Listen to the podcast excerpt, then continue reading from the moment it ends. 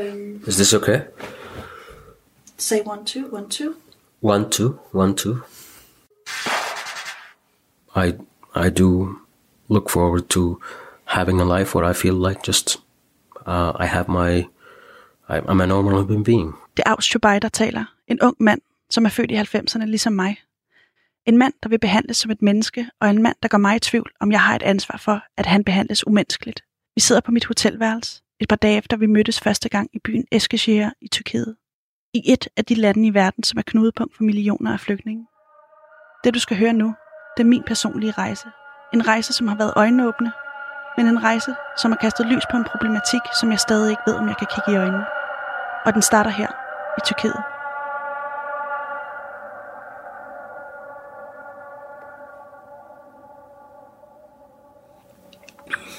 Jeg er lige vågnet, og det er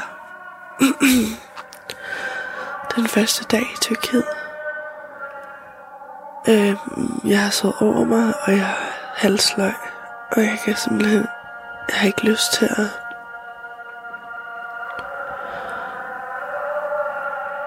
beskæftige mig så intenst med flygtningen, og jeg har ikke lyst til at øh, blive endnu mere deprimeret over den her egentlig lidt håbløse situation.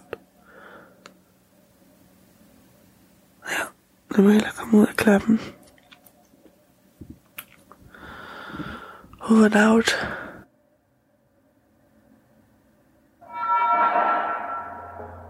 I'm sorry. Som barn af 90'erne fik man at vide, at man kan, hvad man vil, og mulighederne er uendelige. I hvert fald, hvis man ligesom mig er født og opvokset i et af verdens rigeste og lykkeligste lande. Men man er også opvokset med en fortælling om et os og et dem, som er defineret ved en bestemt hændelse. This is as close as we can get to the base of the World Trade Center. You can see the firemen assembled here, the police officers, FBI agents, and you can see the two towers. A huge explosion now, raining debris on all of us. We better get out of the way! da World Trade Centerne styrter sammen. Hvad jeg ikke vidste, da det skete, var, at hændelsen skulle dominere min forståelse af os og dem, ikke kun i min barndom, men langt ind i mine teenageår. Og jeg lagde slet ikke mærke til det. Vi var dem, der blev skudt ned, vi var dem, der jagtede retfærdigheden, og vi var dem, der behandlede alle folk lige. Vi var civiliseret, vi var ordentlige, og vi var måske også en lille smule bedre. De var dem, der ødelagde World Trade Centrene, de var dem, der slog ihjel, det var også dem med de varme lande, kamelkulturen og bananrepublikkerne. Det var sammen, vi snakkede om kulturer, som ikke var vestlige, der hvor jeg voksede op. Og først på universitetet går det op for mig, at forskelsbehandling på grund af hudfarve og kultur ikke kun findes i vores sprog, men også i handlinger og i vores historie og i vores politiske system. Og hvad har det med mig at gøre? Jeg ved det ikke. Men min egen rolle i flygtningesituationen er blevet uhyggeligt synlig, Måske det afs, måske det Tiden, eller måske det Cindy, en kvinde, som arbejder på en græsk flygtningelejr i en NGO, der hedder Action for Education, som jeg også møder i Tyrkiet, og som siger noget til mig så direkte, at jeg ikke længere kan kigge væk. Crisis. you are the hope. Uh, you and your friends and your family, um, normal people, normal people who consider themselves moderate or neutral. That is the hope. That is the majority of the population. Like, if you are not okay with this, say so. Tell your MPs, tell your municipality, tell your governments, protest. Let the world know what is happening here and let the world know that you are not okay with it because it is being done in your name.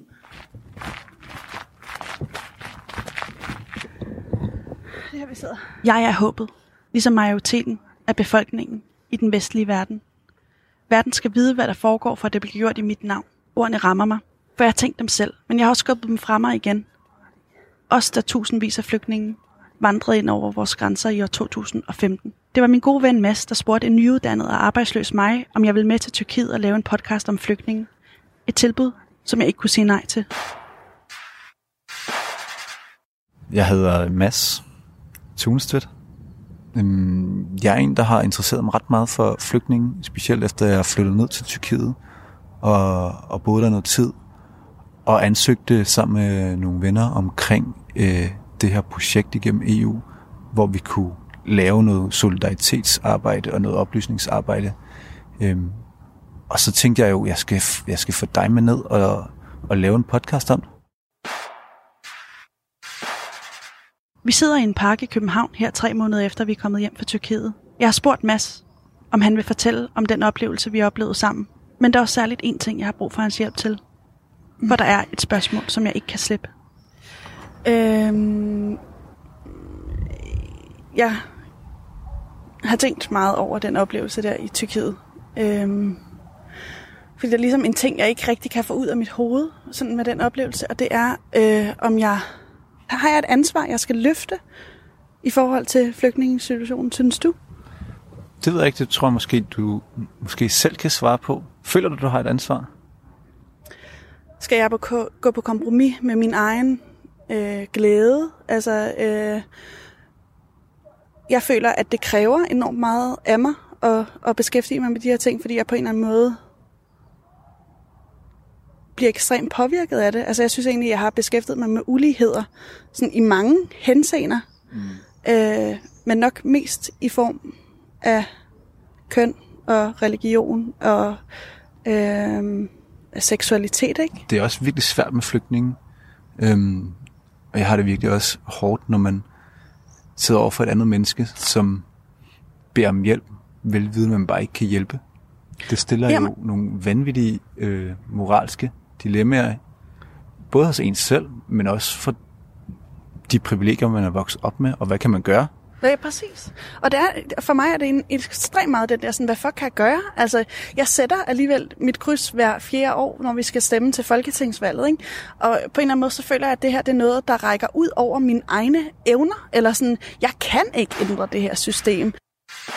Det er her, jeg er efterladt den. I håb om, at demokratiet og de politiske systemer tager sig af de mennesker, som jeg kun har set på billeder og i tv-avisen, og som ikke alle sammen overlever turen til Europa. Jeg har lavet strussen over for de mennesker, som er på flugt. Fordi alt andet har gjort for ondt, og fordi jeg har følt, det er en konflikt, der er langt større end mig. Men i Tyrkiet møder jeg en række mennesker, som har gjort det modsatte af mig. De har set monstret i øjnene, og de har taget kampen op. Selvom de kæmper imod systemer med navne som Europa, USA, Kanada og i det hele taget Vesten. Mads fortæller, hvem nogle af de her mennesker er. And hello? Hello.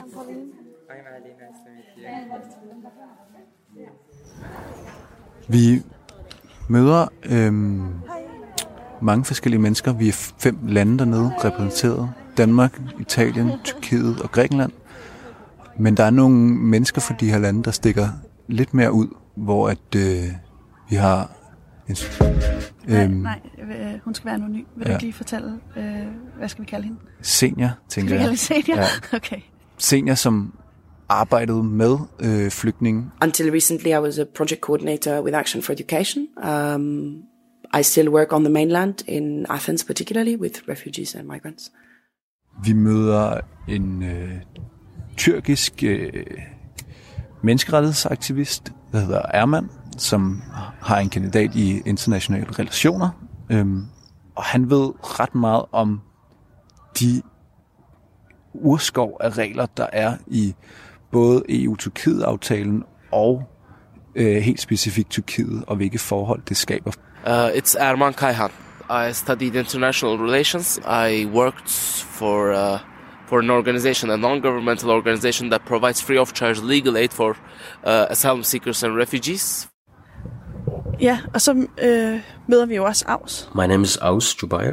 I am an activist and I'm working on um, a few projects uh, with refugees and with LGBTQ refugees. Han er fuldstændig jævnaldrende med os, ikke? Og jeg kan huske, øhm, det er en af de første aftener, vi, vi, øhm, vi er dernede, hvor øhm, vi kommer ind på en restaurant, og vi sidder og spiser. Og jeg, jeg har lagt mærke til ham, og det første, vi snakker om, øh, fordi det er sådan en kontekst, hvor vi snakker om flygtninge, øh, fordi vi ligesom beskæftiger os med det i, i noget tid dernede. Og øh, vi snakker om håb.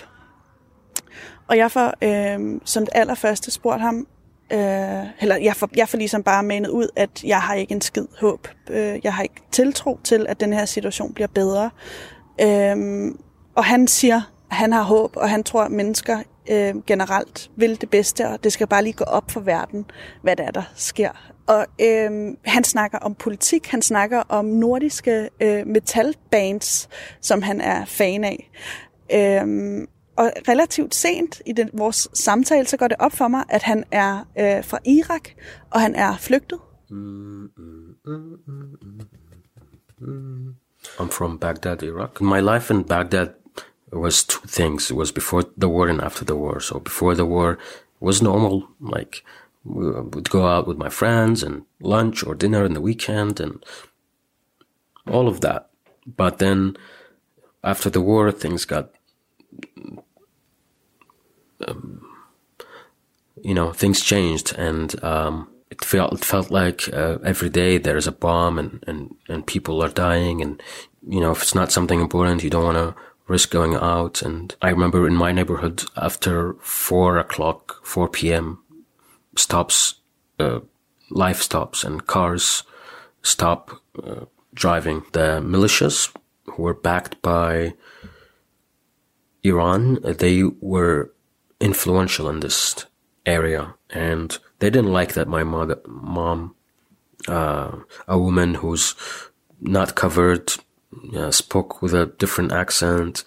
Uh, there was anti-Palestinian uh, sentiments uh, going on after 2003 for political reasons. It, we had constant reminders that told told us like we are we are being fought for who we are there are like militant groups who still exist as we speak today. Uh, and they're the ones who are killing the protesters. Uh, I mean, if you watch the news, you can see that many protesters have lost their lives.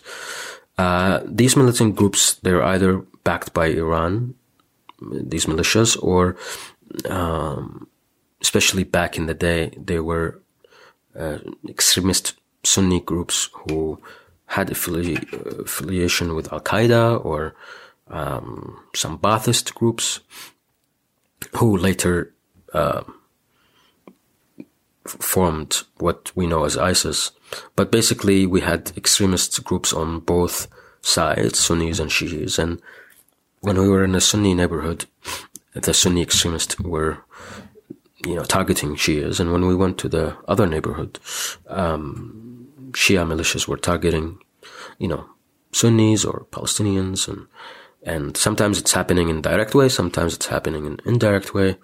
Um, so yeah, um, it was it was uh, it was um, a dangerous time to to be different, and if you know who I am as a as an activist, as someone who believes, who doesn't believe in Islam, who who, who uh, um, works on LGBT issues, um, for many reasons, um, I cannot go back to Iraq. Og her er han igen, Aus. Han fortæller om hans liv, som har været defineret af et før og et efter krigen.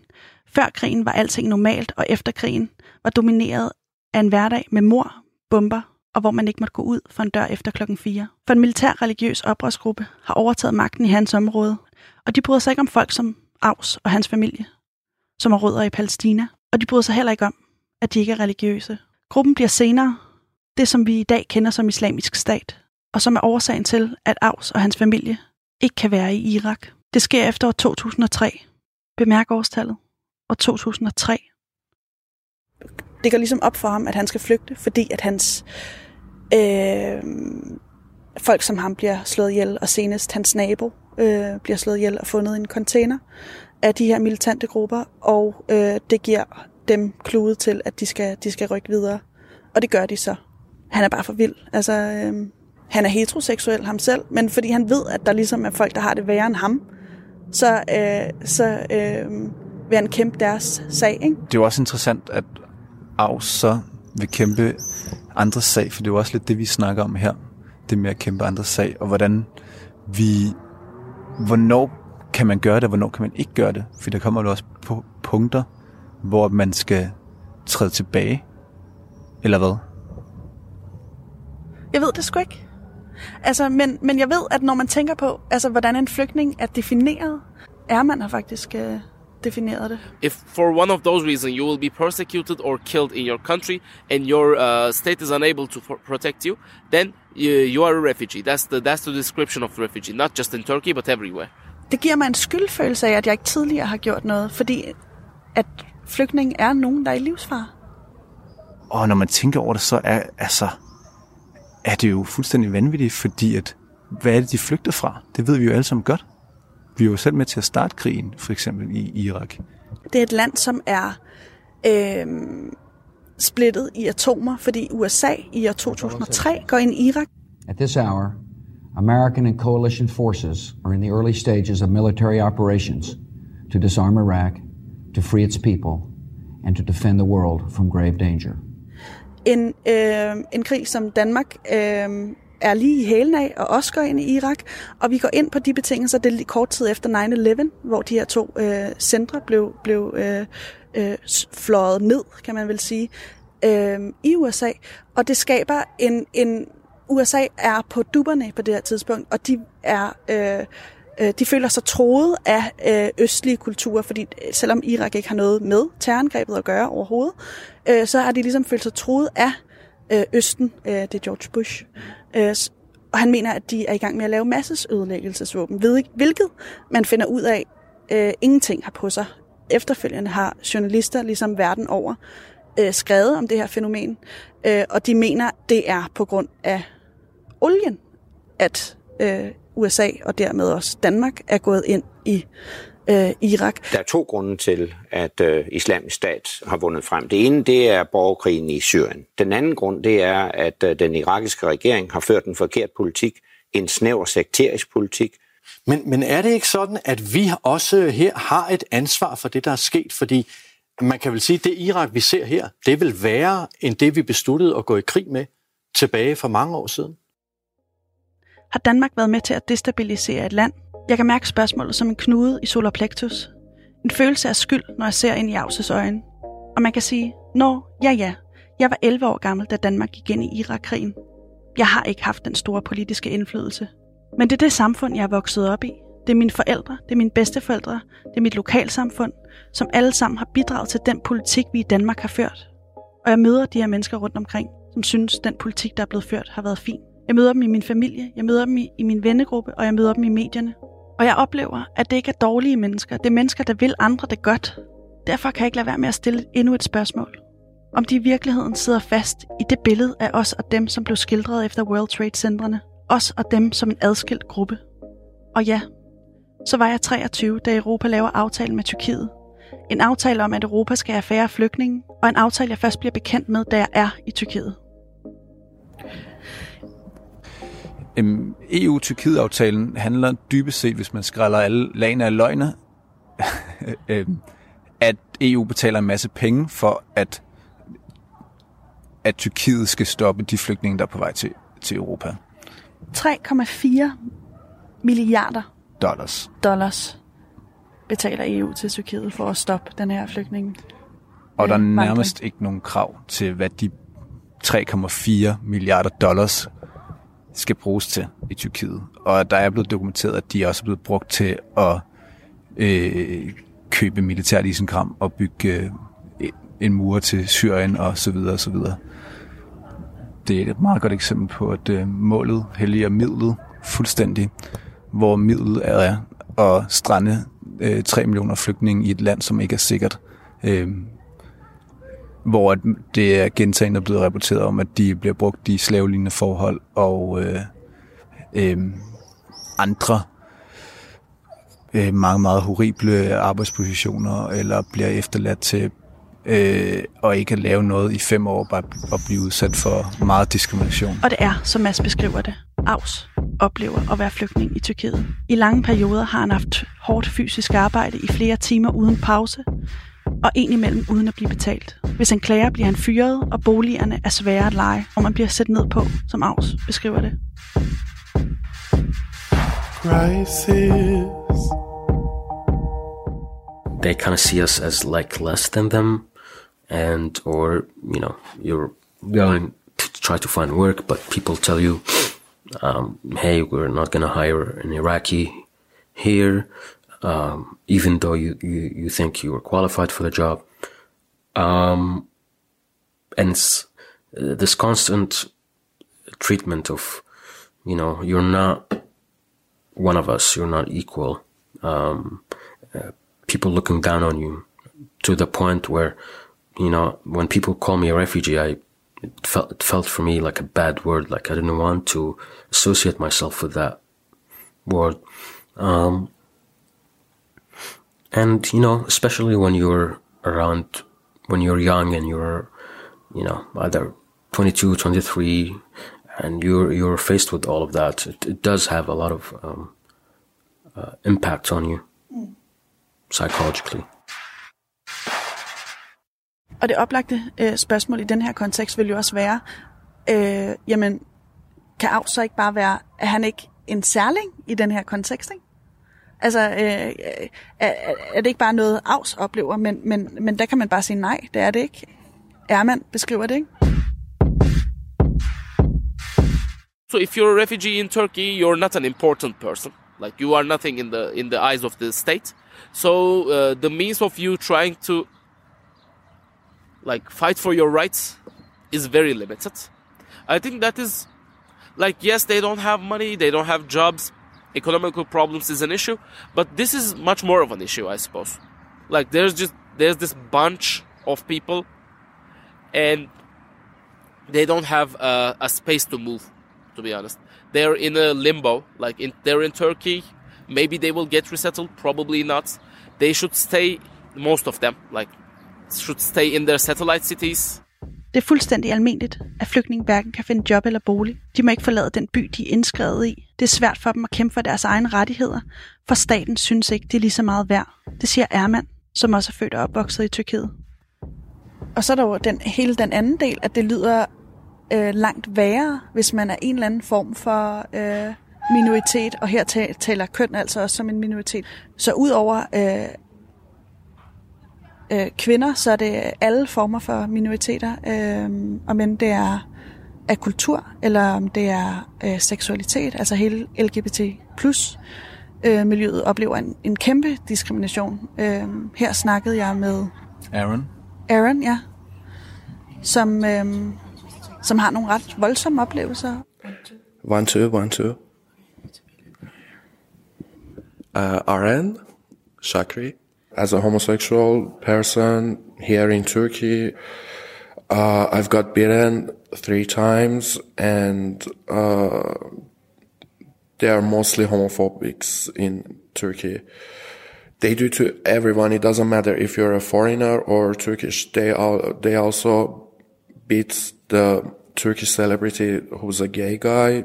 I have pictures every time I got beaten. They punch me in the face. And last time I got beaten, it was in the uh, gym, gym's locker room. And the guy wanted to uh, touch me and I pushed him away and he called his friend and they, uh, mm, they pushed me on the floor and uh, they kicked me in the face many times and started to screaming. All the people came and they let me go. And after that, I called police. Police came.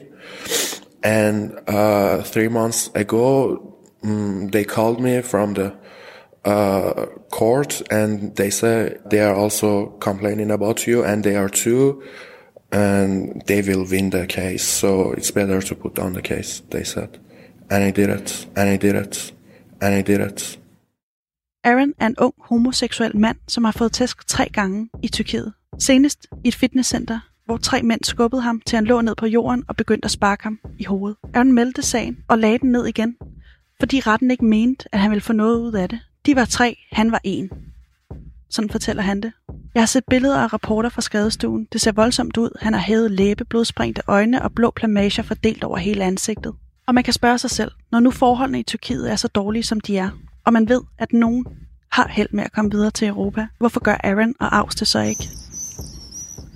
For at flygte og tage det mod, der er at flygte hen over øh, enten Middelhavet, som mange flygter fra, fra Nordafrika, eller i det græske øhav, så skal man være udstyret med en god portion mod, fordi det er øh, utrolig livsfarligt. Øh, og Middelhavet er jo en, en, en kirkegård når vi øh, kigger på det nu, og det samme er det ved det græske øhav.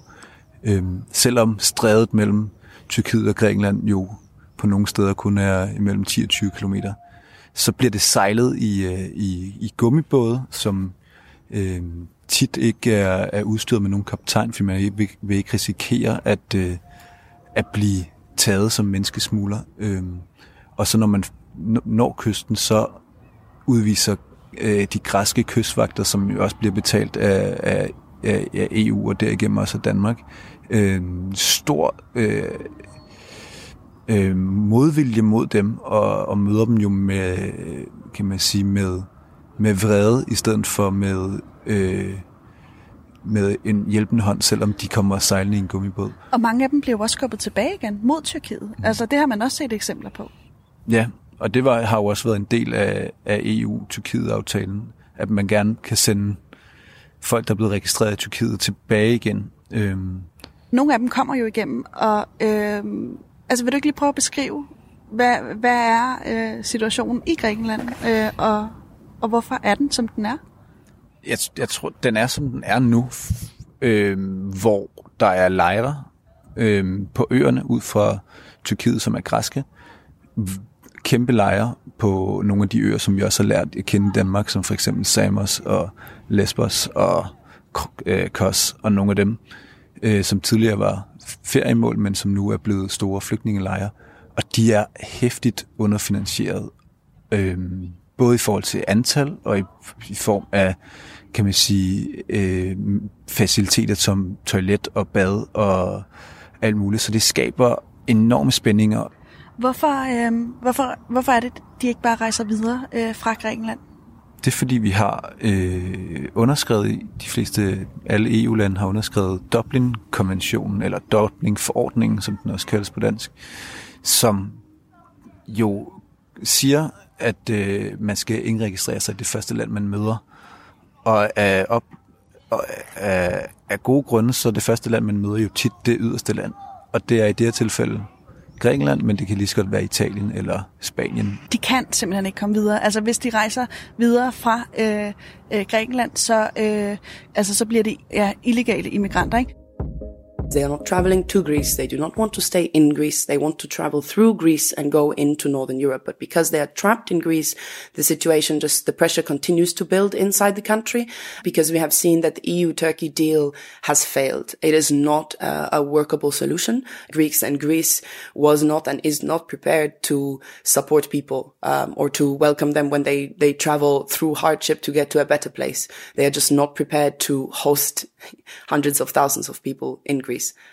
And how many refugees uh, are there in Greece? This is a number that is impossible to calculate because those people who are documented as having arrived in Greece, like many people on the islands, um, is a separate number from those people who are actually traveling. Because many people, as we said, they don't want to stay in Greece. They want to travel further into Northern Europe. So they often don't want to be documented because once you are documented and fingerprinted in Greece, then according to the Dublin regulations, this is the place that you must remain and claim asylum. Other European countries do not have a responsibility to even examine your asylum case. You would be, if you're found in them, deported back to Greece. So if you have managed to get to Greece and you were fingerprinted in Greece, but you then managed to smuggle yourself to France, you are caught in France, your fingers are in Eurodac and you are found to have an asylum claim lodged in Greece, you will be deported back to Greece to have that asylum claim heard. Okay, så senior siger, at Grækenland ikke har mulighed for at give flygtningene det, de leder efter, et bedre liv. Derfor er målet for mange flygtninge ofte ikke at blive i Grækenland, men at rejse videre ind i Europa. Men de er fanget i Grækenland, i hvert fald hvis de bliver registreret, som de derfor prøver at undgå. Hvis de bliver registreret, skal de søge asyl der, og hvis de smugler sig selv videre fra Grækenland og ind i Europa, vil de andre europæiske lande sende dem tilbage til Grækenland igen, fortæller Senior. Så prøv at forestille dig det. Du kan vente og vente og vente i de overfyldte kummerlige græske lejre, eller du kan forsøge at smugle dig videre ind i Europa, men ulovligt. Et ord, som jeg ikke kan komme over. Og der, der tænker jeg bare lige, prøv lige stus over det ord, at du øh, rejser fra øh, et sted, hvor du har været i livsfare, du kommer til Tyrkiet, hvor forholdene er ganske forfærdelige. Øh, og hvis du er heldig, så overlever du turen øh, over vandet øh, og ind i Europa. Og så er du strandet der, og hvis du så rejser videre, så er du ulovlig. Bare det at være et menneske Altså bare, du er et menneske, der opholder sig i et af de andre lande, så er du ulovlig. Og det skaber bare en sindssyg kontrast, mm. synes jeg, til mit liv. Fordi jeg, kan, jeg er ikke i livsfare. Jeg har aldrig været i livsfare. Og jeg kan rejse hen, hvor end jeg vil i verden. Måske vil der være nogle, nogle problemer med, med øh, Nordkorea. Og øh, det var også her, hvor det faktisk gik op for mig, at det at have en, en, øh, et pas er et privilegie. Altså det har jeg fandme aldrig tænkt over før. At bare det der med at kunne rejse frit rundt i verden er et privilegie. Og det, og det viser virkelig, hvor på en eller anden måde hvor stor en øjenåbner det her har været for mig, fordi jeg føler mig fucking naiv over, at jeg har tænkt, at, at selvfølgelig havde alle mennesker da det. Hvis du så kommer videre fra øh, Grækenland, øh, du rejser op gennem Europa, og du havner øh, med meget lidt sandsynlighed i Danmark, fordi vi har meget stramme øh, asylregler, men alligevel ikke øh, så stramme, så de ikke kan måle sig med resten af Europa. Det er et hårdt system at komme ind i, og chancen for, at man bliver sendt hjem, er relativt stor. Ikke? Øh, og så er der jo det her med, at øh, Mathias Tesfaye, vores øh, integrationsminister, øh, har været ude at sige, at de stopper, regeringen stopper samarbejdet med øh, Dansk Flygtningehjælp. Øh, tidligere har man haft en aftale, hvor Dansk øh, Flygtningehjælp øh, deporterer flygtninge ud af landet, når de bliver sendt ud, fordi de er illegale. Øh, derfor har de stoppet samarbejdet med Dansk øh, Flygtningehjælp øh, for selv at klare ærnerne. Hvis man spørger senior, er der ingen tvivl om, at det ikke er Grækenland, der bærer ansvaret alene. This is Europe closing its doors on one of its member states and on people from all over the world who are only seeking what Europe promised them. The European Union is, in its own words, the shining light of human rights, the bastion of equality and freedom. And this is why people, when they flee, they flee to Europe, because Europe promised them that it was better than the rest of the world. Europeans all around the globe will tell you that Europe is the best place to live, that we have the best in terms of rights, that we have the best in terms of welfare, that we have the best in terms of livelihood and provision. So when Europeans ask, why are all these people coming here? They are coming here because Europe told them this was the best place to be. Because Europe told them that their lives in Europe are better, that we as Europeans live a better life and have a higher standard of living. We subliminally invited them. We told them that Europe was better than where they come from, and that is why they are coming. And this is why it is the responsibility of the European Union to either live up to its rhetoric and live up to its promise of a better life and live up to its promise that it believes that everyone was born and created equal and has equal human rights, or it has to stand up in front of the world and say, no, sorry, we lied. This is not true. We do not accept you. We do not believe you are equal to us, and we do not believe that you deserve the same human rights as we do. And that rights are not based on your humanity. They are based on the color of your skin, or they are based on your economic status, or they are based on your level of education. Europe has to either say yes or say no. But what they are doing right now is sitting in silence and watching violence fold on their borders as a direct result of their migration policies, of their foreign policies, and of their economic policies. It is not fair. Europa lukker døren for et af deres medlemslande og for mennesker fra hele verden, som spørger efter det, Europa lovede dem, et bedre liv. Europa er med deres egne ord den lysende stjerne for menneskerettighederne, bastionen for frihed og lighed, og europæere verden over, fortæller, at det er det bedste sted i verden for menneskerettigheder og det bedste sted for velfærd. Vores levestandard er bare bedre. Det er derfor flygtningene kommer hertil. Vi skal leve op til vores retorik om, at alle er født lige og har fortjent de samme rettigheder. Eller vi skal sige, undskyld, vi løg. Vi tror ikke på, at I er ligeværdige med os. I fortjener ikke de samme rettigheder som os. Rettigheder er ikke baseret på det at være menneske, men de er baseret på farven af din hud, din økonomiske status eller dit uddannelsesniveau. Men lige nu er Europa stille, mens vold sker ved grænserne hertil, som et direkte resultat af den europæiske politik. This is not fair. Det er ikke fair, fortæller senior. Det er mine barndomserindringer om os og dem efter 9-11. Erindringer, hvor vi er heltene og de andre er skurkene, et billede af verden, som jeg er vokset op i, og som med årene og særligt nu er begyndt at smuldre for mig. Det er en løgn, som senior siger det, som jeg kan proppe i glemmebogen og fortsætte mit gode liv i et af verdens lykkeligste og rigeste lande. Men det er løgn, som Avs lever i kløerne af.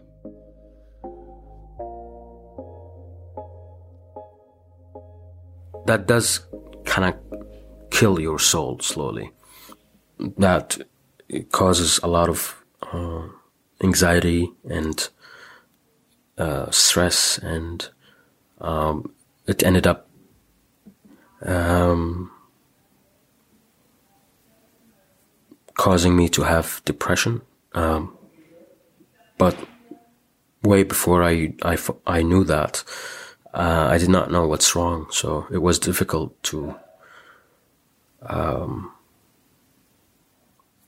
deal with life to the extent where I contemplated suicide a few times. And I remember how I imagined how I wanted to do it, and I and how I wanted to go because I just couldn't um, handle uh, life. Um, and a lot of people might not know this, but um, life as a refugee was is more difficult than um, when you're living in your own country uh, in war or uh, uh, violence and witnessing all these bad things that you hear about in the, in the news. Crisis.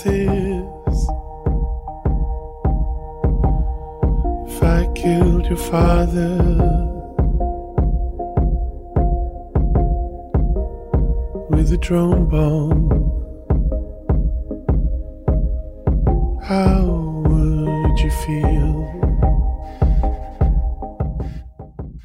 Det dræber hans sjæl, for det er hårdere at leve på flugt, end det er at leve i krig, og det har været ved at koste ham hans liv, fortæller Aus. Og jeg tvang mig selv til at se i øjnene, at det langt fra vil være det første liv, det her system tager. Og jeg gik hjem på mit hotelværelse, fandt min optager frem og begyndte at fortælle, hvordan det påvirkede mig. Han har, han har vidderligt kun sin familie, og der er bare sådan... Han har ingenting. Og jeg, jeg hader, at jeg bliver så berørt af det, fordi det, jeg føler mig bare som sådan en fucking hvid, privilegeret pige, som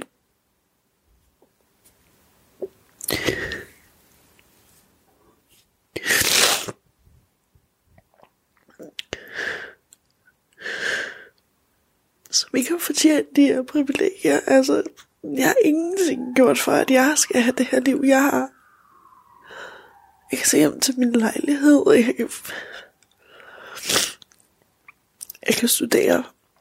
Jeg kan få gode venner. Jeg, er accepteret i mit samfund, og hernede, det er bare, det er bare så kontrastfyldt, at han lever det her sådan fuldstændig andet liv. Åh, oh, men Og sådan, Og sige farvel til sådan en mand, og bare være sådan, Åh, jeg håber, du kommer til at få det godt, eller sådan, fuck siger man, altså? Og det er lige præcis det her, det gør ved mig sådan, at beskæftige mig med de her ting, fordi der er fucking...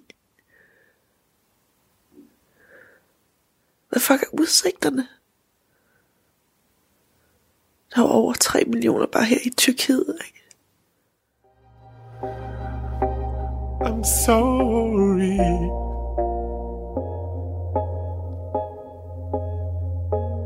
I'm sorry.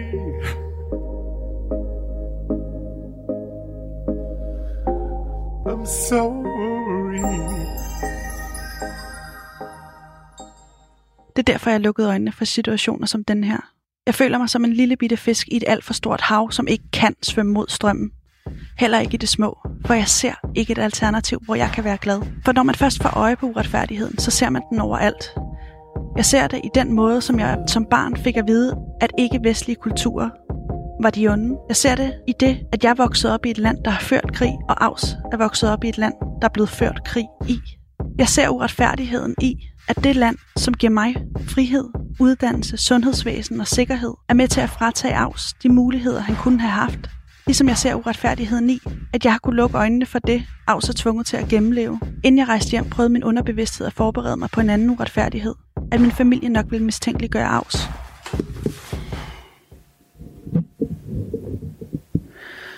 Ja, jeg er lige vågnet midt om natten her. Øhm, mm, og jeg drømte, at jeg var hjemme i Danmark, og jeg skulle tale med min familie om den her oplevelse med flygtning. Øhm,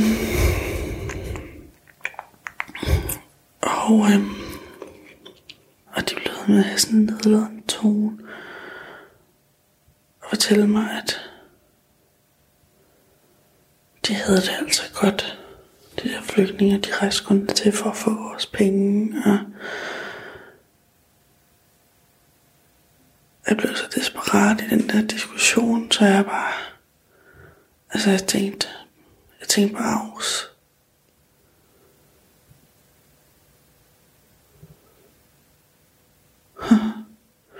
Og så vågner jeg og sagde, at, at jeg siger højt ud i rummet, der findes ikke menneskerettigheder. Menneskerettigheder eksisterer kun på baggrund af hudfarve og privilegier. Og det er så det der, jeg slår ind op, og tårne vælter bare ud af mig. Og nu står jeg herude på toilettet med en diktafon i hånden. Og jeg aner ikke, hvad klokken er, så jeg tror, at jeg bare lige hopper ind igen. hopelessness.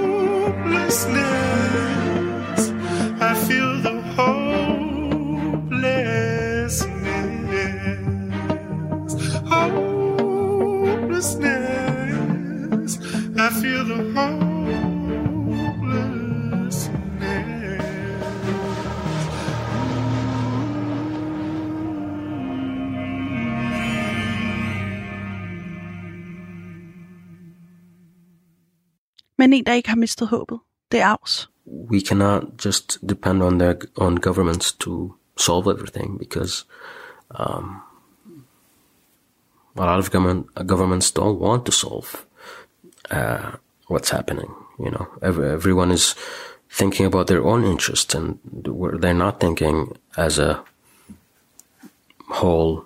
Like we're all human beings, and we should act like it. You know, and it's up to us. Um, normal people to have that attitude and and work. Um, and I have a lot of faith that there's a lot of people who who are already working and who want to work. I remember when I after all of all, all of these years when I didn't feel like I have purpose or I have meaning, I remember the first time I I I uh, found meaning was when I got involved in NGOs and working with refugees and, and people who are um, just like me, vulnerable and um, facing a lot of challenging in their lives. And one of these challenges was, you know, not being able to speak a language, a second language. And so my, uh, sometimes my part would be to teach English or, um, you know, um, help kids with their homework. And I felt a lot of value being able to feel like you can give something. Um, and um, that was what's driving me, knowing that uh, I can give something uh, to other people, and that made me uh, really happy and gave me a lot of purpose and meaning in in life. After I've missed that for a long time, and uh, and that's when I decided that I want to do this work for the rest of my life. You know, you know, I, I'm standing here as an as a refugee, uh, human, but a human rights activist who, um, you know, I've been working in this field for five years now, and I key, I know that this is what I want to do for the rest of my life. Um, because it gave me something that was difficult to find, uh, where I am. Which, um, you know, so, um, and, and, and I think what's important to point out is that being a victim of, of, um, the system, um, and, and knowing what it's like to be less of a human being or be treated, uh, like less of a human being, have gave me an insight uh, into what that feels like. And because I know how that feels like, I'm even more uh, passionate and more driven and more determined to change that for millions of other people who might have it uh, even worse uh, or much worse than I had it. Vi kan ikke vente på, at vores politiske systemer løser det her for os. For mange vil ikke løse det. De har deres egne interesser. Vi er alle sammen mennesker, og vi skal behandle hinanden sådan. Det er også normale mennesker, der skal løse det, fortæller Aus. Og han har håb, fordi han har vendt sin egen håbløshed til håb ved at hjælpe andre. Mit rationelle jeg fortæller mig, at jeg kan lære noget af det her. Og måske er håbet i virkeligheden slet ikke mit at definere. Fordi det er et privilegium at lære om den her konflikt, og ikke at skulle gennemleve den. Håbet er i os, siger han. Jeg tager det ind, lad det bundfalde sig, og jeg spørger senior om det samme. Um, I hate to put the pressure on, uh, you know, and make it sound like blame, but you are the hope. Uh, you and your friends and your family, um, normal people, normal people who consider themselves moderate or neutral. That is the hope. That is the majority of the population. Like, if you're not okay with this, say so. Tell your MPs, tell your municipality, tell your governments, protest. Let the world know what is happening here and let the world know that you are not okay with it because it is being done in your name. It is being done by democratic governments who were elected by people. So when this all goes in a terrible direction, it will have been done in your name. So if you don't agree, say so now. Now is the time to say so. There isn't another time. Um, and if you know and you don't like it, tell your friends, tell your family, tell your cousins and your aunties and your uncles and make them, make them move, make them do something because this is, the situation is critical. There is no time left. Det bliver gjort af demokratiske regeringer, som er valgt af befolkningen. Så man skal sige, det er ikke okay, og man skal sige det nu. Man skal sige det ved at demonstrere, man skal sige det ved at sige fra over for sine venner og sin familie. For der er ikke mere tid tilbage, siger senior. Og jeg føler ikke, at det er uden begrundelse. Det er mit ansvar, at mennesker som Avs behandles umenneskeligt. Netop fordi jeg og de mennesker, som jeg lever sammen med, er med til at definere det demokrati, som er med til at skabe rammerne for, at Avs behandles umenneskeligt. Det er ikke mig alene, men jeg skal sige fra, og jeg må ikke kigge væk. For der er folk, der ikke kan kigge på andet, og det forpligter. Det er det, jeg er nået frem til.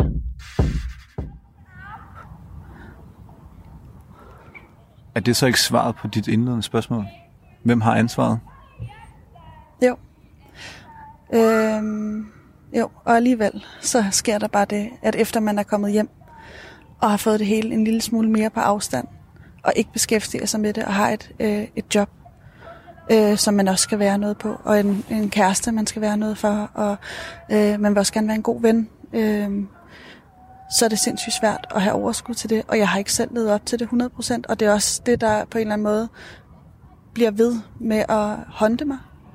Øh, og det er derfor, jeg bliver ved med at finde, eller prøve at finde argumenter, for jeg ikke har ansvaret. Øh, Øhm, fordi det kræver fucking meget.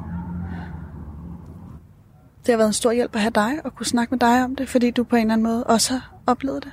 Og ved, hvad det er, jeg taler om, og gerne vil tale om de her tunge, tunge emner. Men det er ikke mange, der vil det. Og det øh, slukker også mit lys. Fordi man ikke er flere om det, som måske er svaret egentlig, hvor man skal gruppere sig, eller i hvert fald støtte dem, der gør økonomisk. Øh, vi skal være bevidste om de politiske situationer, der, der foregår, ikke? Og om den diskrimination, der foregår af mennesker, som ikke er øh, ligesom folk er flest. Øh, det bliver man stadig nødt til en gang imellem at beskæftige sig med, men jeg forstår godt, det kan være hele tiden. Det kan det i hvert fald ikke for mig. Hvad med dig? Det kan det heller ikke for mig. Det kan det på ingen måde og man føler sig skyldig Helt vildt. som person og som ven af Avs og alle de andre, man har mødt dernede. At man ikke kan gøre mere. Man bliver, man bliver på en eller anden måde ret flov over at repræsentere et samfund, der er der behandler nogle mennesker, øh, eller er med til, at nogle behandl- mennesker behandles så dårligt. Ja. Hvad, blev du overrasket over, hvordan det var i Tyrkiet? Ja, jeg blev totalt overrasket over det, jeg, og jeg blev overrasket over alle de her, øh, alle de her systemer, som vi lige har beskrevet, og hvor, hvor, øh, hvor umenneskelige jeg skulle også synes, de er, hvis man bare prøver at bruge to sekunder på at sætte sig i deres sted. Det system, jeg har levet i al den tid, har gjort, at du, eller har i hvert fald været med til, at du er strandet, som du er. Med alt dit potentiale og med alle hans drømme om at forandre verden til et bedre sted. Altså, jeg er sikker på, at han nok skal gøre det, men, men det er bare øh, syret, at han skal have oplevet så meget modstand. Ikke? Jo. Jo.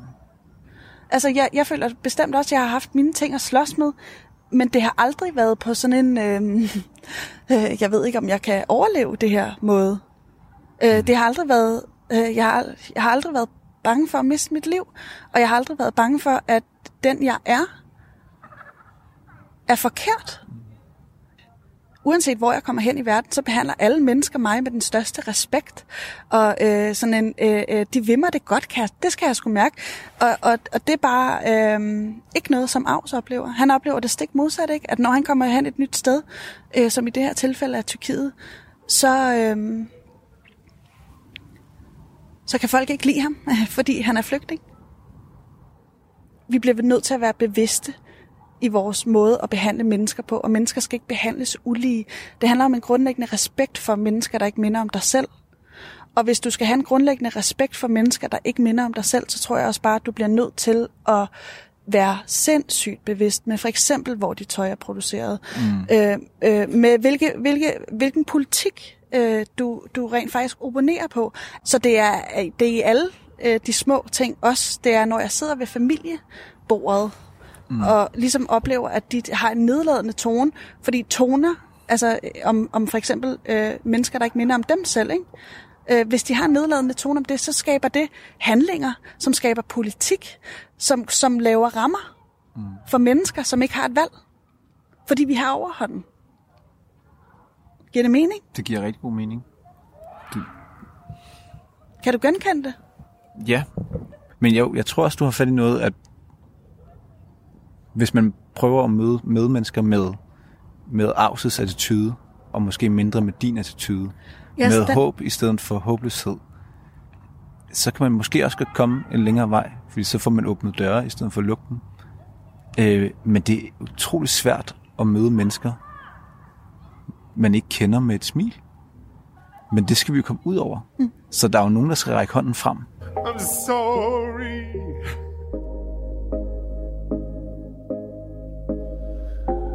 I'm sorry.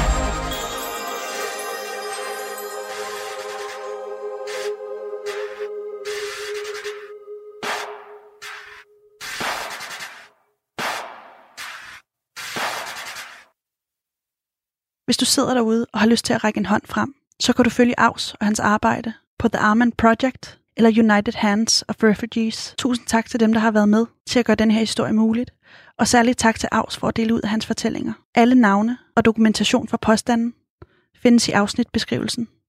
Tak fordi du har lyttet med. Jeg hedder Pauline Kloster.